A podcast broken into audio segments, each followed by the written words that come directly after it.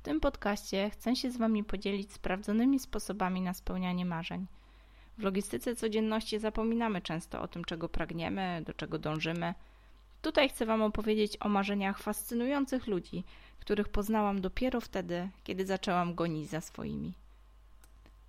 Brudna podłoga, kaszka na blacie, rozdziabany banan na stoliku, góra garów, pranie, prasowanie, warstwa kurzu na laptopie, dźwięk klocków i tych przeklętych zabawek na baterię. Mm, taka praktyczna rada. Jeżeli planujesz skatować znajomych, którzy dorobili się potomka, to daj im skarbuniowi w prezencie coś, co generuje dźwięk podczas zabawy.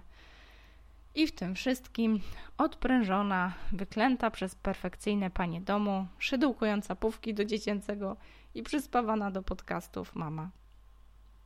To był ten moment, kiedy zrozumiałam, jak to się dzieje, że insta rzeczywistość mamo kosmosów jest taka idealna. Sama wybierałam babcio i tato kadry, tak skrzętnie ukrywane bajzel i jednocześnie dyskretnie pokazywały insta pledy i modne dzieciogadżety, którymi nikt się później nie bawił. Poddałam się. Kto próbował odpalić komputer przy dwójce dzieci, ten dokładnie wie, o czym mówię. Tak. I myślałam, że oszaleję. No, żeby nie było, że jestem jakimś potworem. Świadomie podjęłam decyzję, że pierwszą placówką moich dzieci będzie przedszkole. A że mąż w korpo, dziadkowie ponad 100 km od Poznania, a ja w środku całego tego bajzlu. Ale chwilunia. Przerwa na reklamę. Święta, Wigilia, porządeczek. Wszyscy ucacani aż do bólu i nagle moja babcia, która wyskakuje z tekstem Chcesz te wszystkie sznurki, włóczki, szmatki, druty, bo szafy sprzątam. No, babcia właśnie zakupiła magiczną kołdrę podczas prezentacji, na którą po cichaczu wyrwała się z domu.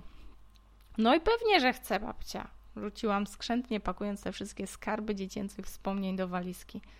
Tym razem nie zostało w bagażniku za dużo miejsca na słoiczki z resztkami z Wigilii. No i tak w styczniu 2016 roku babcina Scheda ruszyła na podbój Poznania. Nieświadoma niczego babcia pchnęła mnie w objęcia kobiecej przedsiębiorczości, misji inspirowania i motywowania rękodzielniczych talentów do wyjścia z ukrycia. Byśmy wspólnie, tak, dobrze słyszycie, wspólnie motywowały się do łapania oddechu od zabieganej codzienności przy niespiesznym, twórczym tu i teraz. Brzmi trochę jak bajka. No, trochę tak jest. Zawsze lubiłam pomajsterkować. Kiedy dużo pracowałam, oczywiście jako architekt, nigdy nie było na to czasu. Ale kiedy szydełkowe dodatki wnętrzarskie zaczęły osiągać dziwacznie wygórowane ceny, a z zabieganej pani inżynier architekt staram się, stałam się taką bezglutenowo, bezcukrowo, bezstresową instamamusią, Nagle znalazłam czas, żeby uczyć tego mojego patentu na rękodzielniczy biznes inne poszukujące pasją biznesu kobiety. Odkryłam, jak dużo mam, szyję, szydełkuję, filcuję, zaplata, składa, wybija, obrabia, wycina. Jaka magia pracowitych dłoni, nie tylko pania, ale panów, pozostaje na zawsze nieodkryta w zakurzonych szufladach i strychach. Jeżeli ty też ukrywasz się w rękodzielniczym podziemiu, to daj się odnaleźć. Napisz do mnie. Możesz pisać na oplotki małpa wp.pl albo agnieszka małpa oplotki.pl. Dowolny mail. Napisz. Nie daj się schować w podziemiu.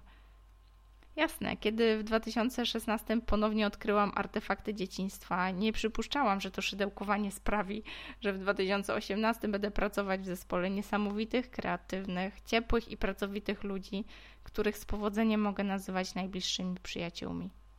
Na początku niewinnie, bo zaczęło się od zapraszania koleżanek po fachu. Tak, w poprzednim życiu też klikałam godzinami różnego rodzaju projekty kubatury wnętrz koleżanek, które wpadały poszydełkować po pracy, żeby odkleić się od ekranów. Marzyłam, żeby znów być wśród ludzi, rozmawiać o czymś innym niż bezglutenowe diety i modne ciuszki dla dzieciaków.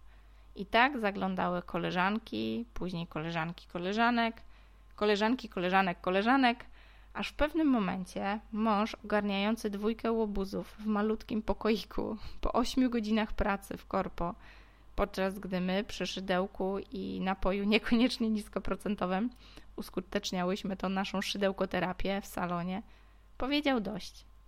I znowu, tutaj ta historia mogłaby się zakończyć. Ale przecież fakt, że przegonił te nasze rękodzielnicze sabaty, stał się kolejnym potwierdzeniem zasady, że co cię nie zabije, to cię wzmocni. Umierasz z ciekawości? Mam nadzieję. Słyszymy się w następnym odcinku. Czy to, o czym opowiadam, w jakiś sposób rezonuje z Twoimi wartościami, priorytetami, marzeniami? Jeżeli tak, zasubskrybuj ten podcast, aby nie przegapić kolejnych odcinków.